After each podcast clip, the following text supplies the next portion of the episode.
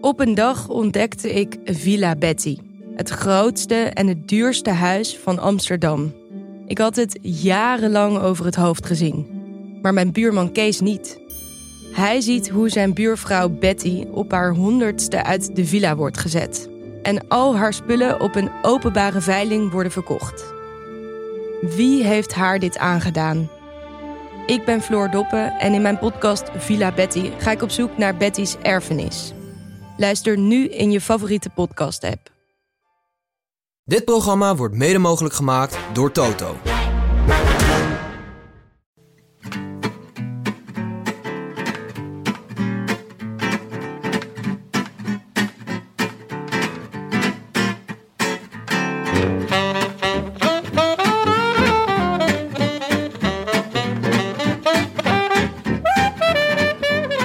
Het is vrijdagmiddag 27 juli.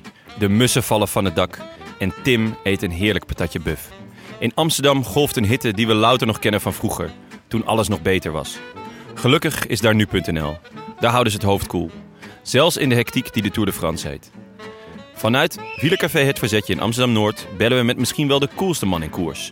Daan de Ridder voor een wekelijkse update uit de buik van het peloton. Het peloton journalisten wel te verstaan. In samenwerking met nu.nl is dit de Rode Lantaarn. De wielerpodcast van Het is Koers. In the south of France. In the south of France. Tonight. Eh, Daan? Spreek ik met Daan? Ja, goedemiddag Jonne. Hey, hoe is het? Jonne hier. Ja, inderdaad, van de Rode Lantaarn. Leuk je weer te spreken. Ja, eh, de laatste keer alweer jammer genoeg. Hè? De tour is alweer, eh, ja. Ongelooflijk, gaat snel hè? Nou, een collega zei dat vanochtend ook tegen me. Maar eh, ik moet zeggen, als je in de tour zit, dan eh, duurt vier weken nog best lang. Nou ja, jij zit natuurlijk echt al een week van tevoren daar ook. Ja, ja de dinsdag voor de tour al. Dus eh, ja, we gaan al richting de 3,5 week. Dus ja, Op je tandvlees. de de derde week is voor iedereen, is voor iedereen lastig. Niet alleen voor de renners. En mag je maandag gelijk naar huis of moet je dan ook nog, nog andere dingen doen daar? Nee, maandag eh rij ik in één, lijn- in één rechte lijn van Parijs naar Amsterdam. Ah, heerlijk man. Klinkt goed. Het is hier namelijk 38 graden momenteel. Eh, dat hadden wij gisteren ook ongeveer. Vandaag eh, valt het iets mee. We zitten wat hoger ook, denk ik. Maar ja, 37 graden hebben we niet gered. Maar het is hier ook de hele tour al erg warm. Ja, ongelooflijk. We smelten bijna weg hier. Want waar zit je precies? Ik zit nu in, het, in de sporthal van La Rue. Eh, ja, eigenlijk aan de voet van de Obis, geloof ik, is dat... eh, dat scheelt weer, want dat, eh, dat scheelde weer wat logistiek gedoe. Dat we niet nog even de laatste bergrit bergop hoeven te, te gaan. Want ja, zo'n kooloprijden dat kost altijd heel veel tijd. En wat nog meer tijd kost is de berg weer afrijden. Dus we zitten nu gewoon in een dorp aan de, nou ja, beneden eigenlijk. En, Ja, lekker. Want het is finish bergaf vandaag, hè? Ja, finish bergaf. Dus, Hoe, ja. hoe is die afdaling? Nou ja, we hebben niet over het parcours, of ik heb niet over het parcours gereden, maar ik begrijp dat, eh, dat het een eh, eentje is met eh, veel haarspeelbochten. Eh, Oeh, listig. Maar goed, ja, we zullen zien. Laten we hopen op weer zo'n prachtig, prachtige shots van Alain Philippe die, over de, die naar beneden danst. Ja, hij, Maar, ehm, ongetwijfeld. ongetwijfeld zal je Ja, dat weer doen. ongetwijfeld. Maar waar zat je vanochtend precies? Want ik kreeg een mooi beeld door van jou. Ja, nou ja, ik begon vanochtend in Po, waar we gisteren, eh, waar we donderdag eindigden. En eh, daarna naar Lourdes, het bedevaart. Ja, ik ben op bedevaart gegaan eigenlijk. En? Eh, Hoe, voel je je verlicht? Nou, het was wel bijzonder, want alle bussen stonden in het park voor de grote basiliek daar. Ja. En nou ja, dat leverde al enigszins bijzondere plekjes op. En wat de Tour, want zo is de Tour dan ook wel weer. Wat die bedacht hadden was, er was aan de achter- achterkant, of eigenlijk aan de zijkant van die basiliek, zit daar de meest heilige plek van Lourdes. De grot van, moet ik even spieken hoe dat ding ook weer heet. De grot van Maziabel. Waar, eh, Oh. waar de heilige maagd Maria in 1858 aan eh, Bernadette Soubirous verschenen is, volgens de overlevering. Ik wou net zeggen, je kent je klassiekers hoor. Ja, dat, eh, dat is Google. Maar eh, hoe dan ook, had- ze hadden daar, eh, eh, ze hadden daar zeg maar een soort eh, pad gecreëerd. Want normaal is het natuurlijk heel druk daar. Maar geaccrediteerde journalisten, maar dus ook renners... Die konden, die, waren, die konden via een speciale met dranghekken afgezette pad... konden ze naar die, naar die grot toe. was niet zo heel veel van de, van de start. Dus ik stond daar op een gegeven moment... nou ja, ik wilde het toch ook wel even zien. En toen inderdaad kwam, kwam er zowaar een renner aangereden. Uh, nadat eerst al trouwens ploegleider Frans Maassen van Lotto Jumbo even kan kijken. Ik bedoel Limburger, dus waarschijnlijk vrome katholiek. en daarna kwam Andrea Pascalon. Ja, dat is niet een naam. Ah. Een naam, of Pascalon, dat is een Italiaan. Dus waarschijnlijk ook een vrome katholiek.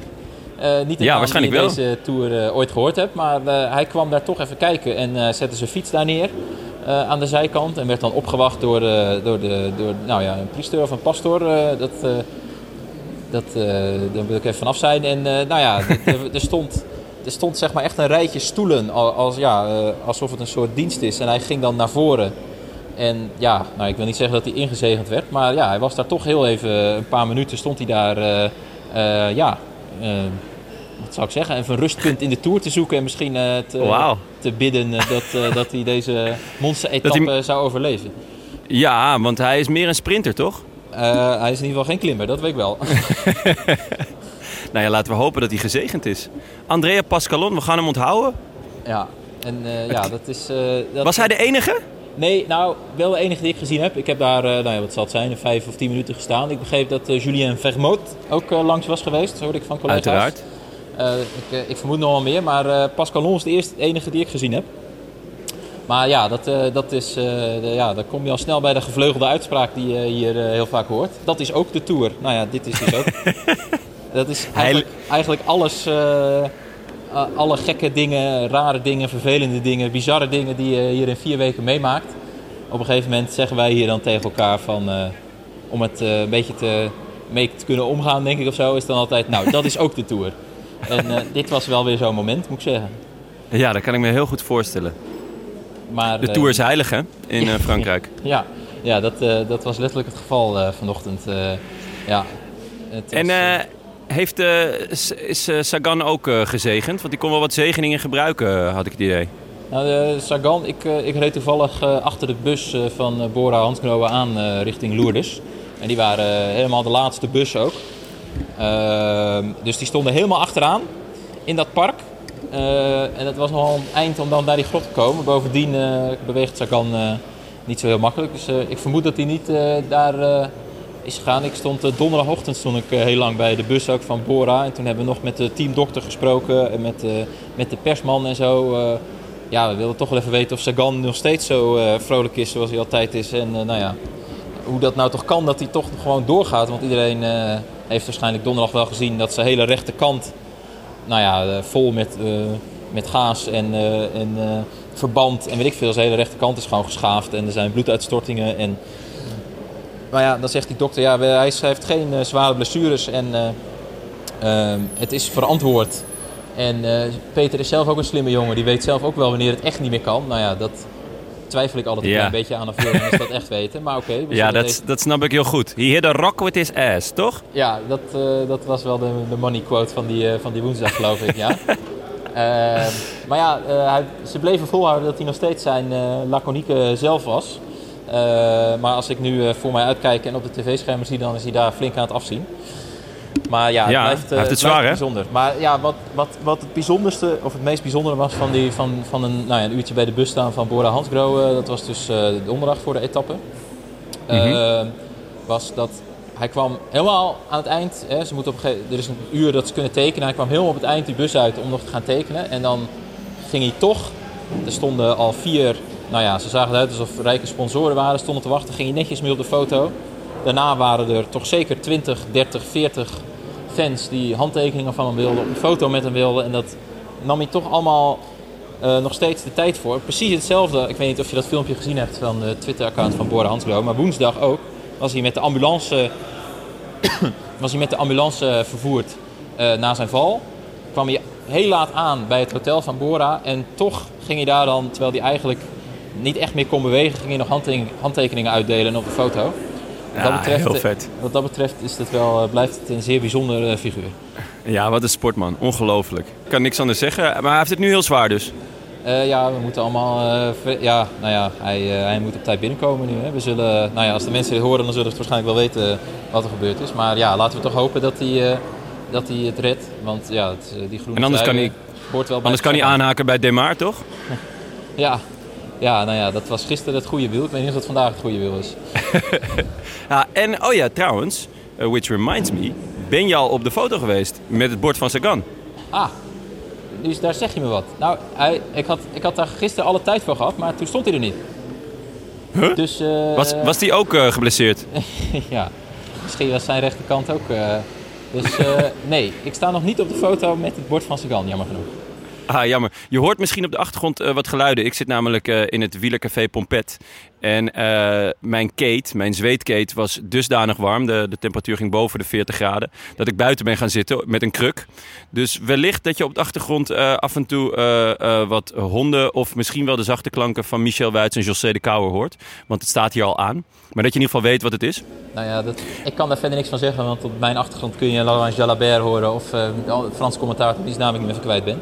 Of het geluid van mijn collega's, dus eh, ach hè. Zo komen we er wel.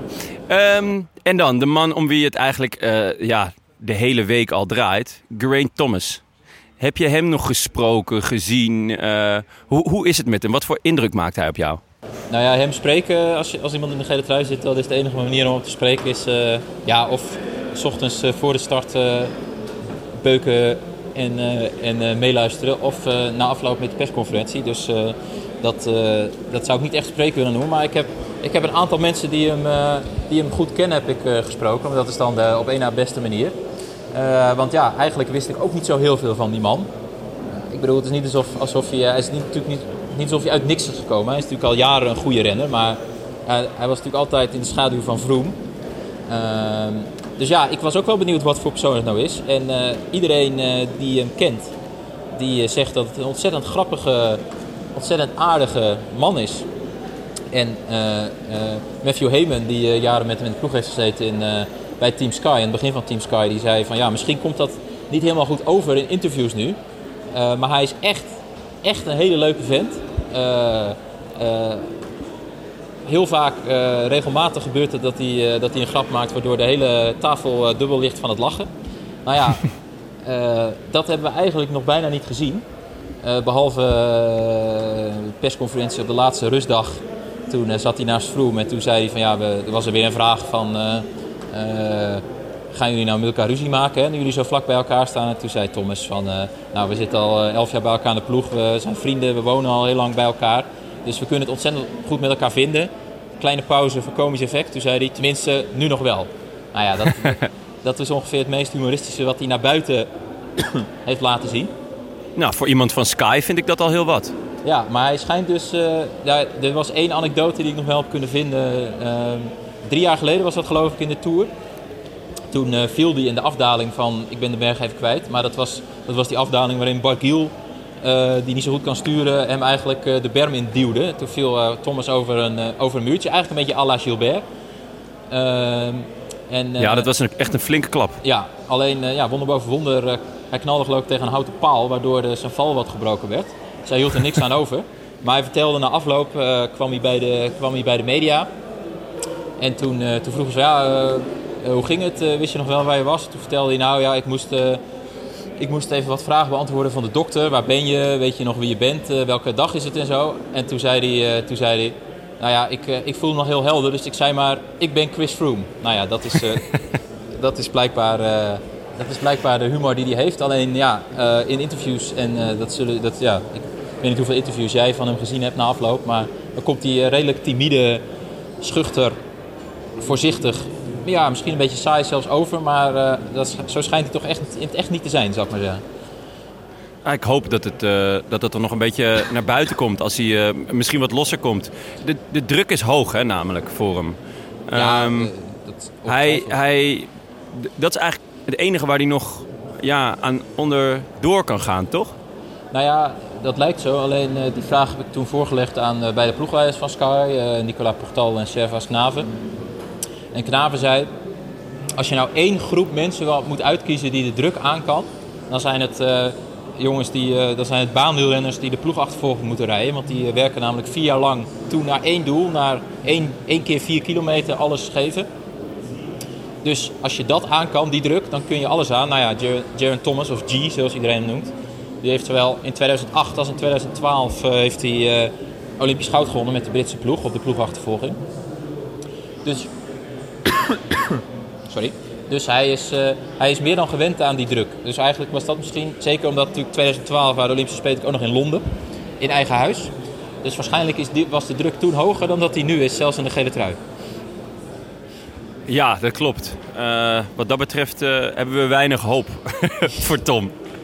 Denk, Ja. je, de- denk je dat, eh, dat Tom vandaag nog iets gaat proberen? Of eh, heb je zoiets van, nou, hij, eh, Thomas is gewoon sterker? Tom gaat ongetwijfeld nog iets proberen, maar eh, of, dat, eh, of dat ook gaat lukken, dat is natuurlijk maar zeer de vraag.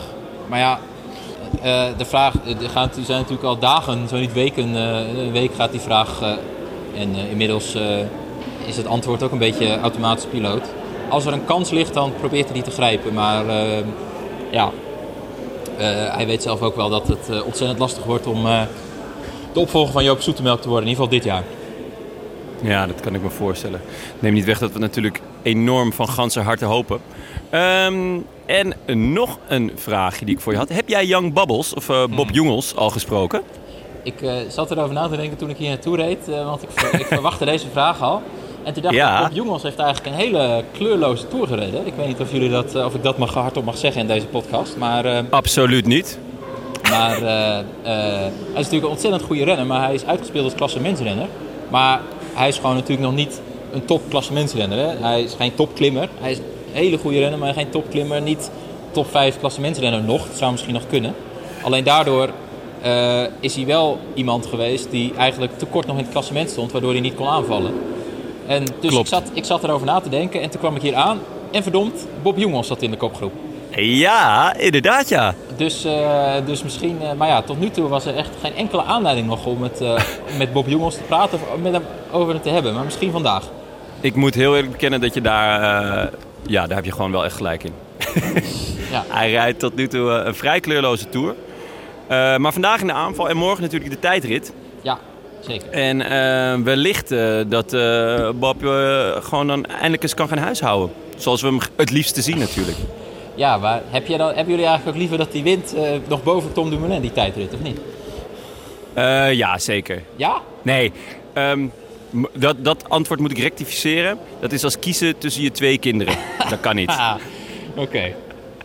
Ja. Dus nee, ja, ehm, Jongels de rit en eh Dumoulin de gele trui. Dat is een beetje wat jullie... Ja. Ja, ik denk dat eh, de Rode Lantaarn dat die dan eh, een barbecue gaat geven als dat gebeurt morgen. Oké, nou die ga ik dan net niet meer redden, jammer genoeg. Maar eh, Jawel, jawel, we wachten op je. We barbecuen net zo lang door totdat je er bent. nou ja, dan, dat is ook de tour, zou ik dan bijna willen zeggen. Ja. Om er nog maar een lekker cliché in te gooien. ja. Lekker. En ehm, nog even vooruitblikken morgen op die tijdrit. Ehm, nou ja, Tom is dus genoemd als kanshebber. Thomas. Zie jij Froome nog ergens iets geks doen met vandaag en die tijdrit? Of denk je echt eh, dat hij de, de, de handdoek geworpen heeft? voor mijn gevoel, eh, iedereen zag natuurlijk iets heel symbolisch eh, woensdag in die, die is breed uitgemeten, dat, of, dat bericht over de teamradio. Volgens mij vijf kilometer voor de top, waarop hij zei, ik voel me niet zo goed, hoe voel jij G? En ja, dat, was, dat, was, dat zag iedereen als een soort symbolische machtsoverdracht eh, overdracht van, van eh, Froome naar Thomas. Ik denk dat, eh, dat we nu wel kunnen concluderen dat Froome gewoon eh, net niet zo goed is. Ik bedoel, het scheelt natuurlijk al niet zoveel, hè, maar gewoon net niet zo goed is als dat hij de afgelopen jaren was in de Tour. En ook niet zo goed als hij was in de laatste week van de Giro dit jaar. En eh, ja, eh, aangezien hij de Giro gereden heeft, was dat ook nog wel enigszins in te calculeren. Eh, dus ik, eh, ik denk eigenlijk dat, eh, dat de reeks van eh Froome, zowel in de Tour als in grote rondes, dat hij eh, gaat stoppen. Maar goed, dan zul je zien dat als eh, mensen morgen deze podcast luisteren, dat hij zo meteen eh à la de Finestre een aanval heeft gedaan. Maar die kans lijkt me erg klein. Ja, het was ook wel een fenomenale reeks natuurlijk. Daar moeten we ook eerlijk in zijn. Hij moest een keer eindigen. Ja, ze hadden het natuurlijk hier al over eh, Portal, eh, Nicola Portal, ploegleider, die, zei, eh, die had het al over de Vuelta. Hè? Dat, dat zou dan de, Ja. de vijfde op een rij zijn. Hè? Absurd. En de, en de eerste renner, geloof ik, die dan alle drie de grote rondes in één jaar wint. Maar Ja. ja, ja eh, we dachten altijd al dat twee grote rondes op een rij dat dat dan niet kon. Nou, dat heeft hij in ieder geval gelogen straf, dik. Maar eh, vijf en drie in een jaar, dat lijkt nu toch echt te veel te worden. Nee, dat zou ook wel echt, echt te veel van het goede zijn. Ondertussen stiefelt eh, Lotto Jumbo naar, ja, naar, naar een dubbele wereldklassering. Gaat Roglic stiekem het het podium opsluipen? Ik eh, sluit het niet uit. Roglic is, is natuurlijk echt dat is een bijzonder verhaal. Hè? Ehm, eh, Jumbo heeft ook een hele mooie documentaire over hem. eh, RTL 7, ik weet niet, in samenwerking met Lotto Jumbo, dat moet ik, weet ik niet zeker. Een hele mooie documentaire over gemaakt van een minuut of twintig video. Het is natuurlijk een ontzettend bijzonder verhaal. ja, nou ja, ik, ik wil het niet meer noemen, maar ik moet het toch even noemen. Hè? dat hij schansspringer is geweest. Maar Is hij schansspringer geweest, voor echt? de bingo. Maar even, vergeet dat even. Maar het is gewoon een bijzonder verhaal hoe hij ja, zich ontwikkeld heeft. Ook van, hij, hij, hij doorkruist eigenlijk no- nog meer dan Dylan Groenewegen. Want daar hadden ze ook een driejarig plan voor. En dat, om eh, een toeretappe te winnen. En dat deed hij in zijn tweede jaar. Maar Roglic hadden ze... Ja, ik weet niet of het een driejarig plan was eigenlijk. Maar volgens mij wel. En, Ja, eh, zeker. Ze wilden pas in 2020 wilden ze Precies. een, eh, een eh, klassement met hem gaan rijden. Dus niet eens volgend jaar. Nee, volgens mij was Maar dat het jaar inderdaad- Van, ik kan me inderdaad nog herinneren bij het begin van dit jaar... dat, dat ik bij de ploegpresentatie Marijn Zeeman... die over dit soort dingen gaat bij Lotto Jumbo... zei eh, dat ze inderdaad een driejarenplan hadden vanaf nu. Hè? Ja, dat klopt. En, ja, eh, ja, klopt. en dan dit jaar zou het zo zijn dat hij eh, zich in rondes van een week ging eh, excelleren. Nou, dat heeft hij meer dan gedaan. Want won de Romandie... wat was het? Baskeland, geloof ik. Ja. En, Ja. en, en de ronde van Slovenië, zijn thuisronde. En, en, eh, en, eh, en dan nu was het inderdaad testen. Maar ja, hij blijkt, hij is gewoon ontzettend goed. Eh, dus ja, je, denkt bijna voor volgend jaar... eh, als Roglic zich volledig op de Tour richt... Als Dumoulin zich volledig op de Tour richt... zou dat zomaar eens een keer een strijd kunnen worden tussen die twee. En dan ongetwijfeld nog wel iemand van Sky. Dan moeten we nog even uitvinden wie. Maar, ehm, maar eh, ja, dat, dat, lijkt toch wel, dat, dat, lijkt toch wel een strijd te worden voor de komende jaren, denk ik, zeg ik nu zo. Want Vroom en Thomas hè, zijn allebei al dertigers, laten we dat niet Ja, vergeten. en eh Dumoulin en Roglic zijn ongeveer even oud, hè? ja, die zijn 28 eh, geloof ik. 27 en Roglic 28 geloof ik. Oh ja, ja. Ja, dat wordt een mooie strijd. En eh, zeker omdat het een beetje dezelfde type renners zijn natuurlijk, hè? Die vertrouwen op hun tijdrit. Precies. En dan heb je natuurlijk de springveren, dus eh à la Bardet. Eh, dus de echte klimmers heb je daar tegenover staan. Dat, eh, dat worden mooie tours de komende jaren. Heerlijk. En dit was nog een tour met eigenlijk weinig tijdritkilometers. Als we er weer meer in gooien, dan wordt het helemaal leuk natuurlijk voor uh, Dumoulin en Roglic. Ja, maar ik vrees eh, dat de Franse organisatie dat pas doet eh, als Bardet met eh, pensioen is. Maar goed, dat geheel terzijde. Of als hij een keer gaat trainen op tijdrijden. Maar dat, ja, die kans die schat ik heel klein. Volgens mij vindt hij dat helemaal niet leuk. Nee, dat was, dat was de grootste verrassing van vorig jaar in de Tour. Dat hij na de tijdrit in Marseille een persconferentie zei... zei hij, ja, ik heb eigenlijk helemaal niet getraind op tijdrijden. ik, Ja, dat vind ik echt wonderbaarlijk. ik durfde die quote pas een half uur later te twitteren... omdat ik dacht dat ik het verkeerd gehoord had. Maar goed, dat... Dat het aan je Frans lag. nou nee, hij zei het is in het Engels. We wisten ook niet dat hij Engels kon. Maar eh, ja, ik kon gewoon niet geloven dat hij dat gezegd had. Maar goed, Wauw, dat, ik, eh, dat hij Engels spreekt, dat, ik dacht dat hij nog slechter Engels sprak dan dat hij kon tijdrijden. Maar ja, vooruit. hij, hij Ik, kan eh, veel beter Engels dan dat hij tijd kan rijden. Kan ik je mededelen. Ah, ik ben heel benieuwd. Ben jij er volgend jaar ook weer bij, is dan de grote vraag. Nou, zo, ik, ja, ik denk het wel. Het plan is van wel. ik zou niet weten waarom niet. Oké, eh, lekker. Nou, laten we hopen eh, dat we elkaar dan eh, volgend jaar weer spreken. Ja, dat lijkt me een goed plan. Oké, te gek. Daan, super bedankt voor je bijdrage aan de Rode Lantaarn. Eh, we hebben het ontzettend leuk gevonden om elke week even met je te bellen voor een unieke inkijk in, ehm, ja, in de koers. Want ja, ook dat is de Tour. Ik ga het niet meer zeggen, maar ik vond het ook leuk. Ja, heb je, vond je het ook leuk? Nou, dat is, eh, dat is goed om te horen. Eh, ik hoop ook eh, dat de luisteraars van nu.nl het heel erg leuk vonden. En ehm, dat zij ook ja, via nu.nl bij de Rode Lantaarn terechtkomen. Dat zou, zou heel mooi zijn. Daan, ik, ik dank je wel en ik wens je nog even veel sterkte in de sporthal en in de laatste week. Maar geniet er ook van af en toe. Ja, komt, komt goed. In Parijs gaan Oké. we genieten. Is goed. Ik zie je op de barbecue. Oké, is goed. Yes, dat was Daan van nu.nl. Mocht je dit nou leuk vinden, check dan even onze andere aflevering op iTunes en Spotify. Of kom lekker wielrennen met ons kijken in Café Pompet in het Noorderpark. A bientôt! I wish I could be in the south of France. In the south of France. Sitting right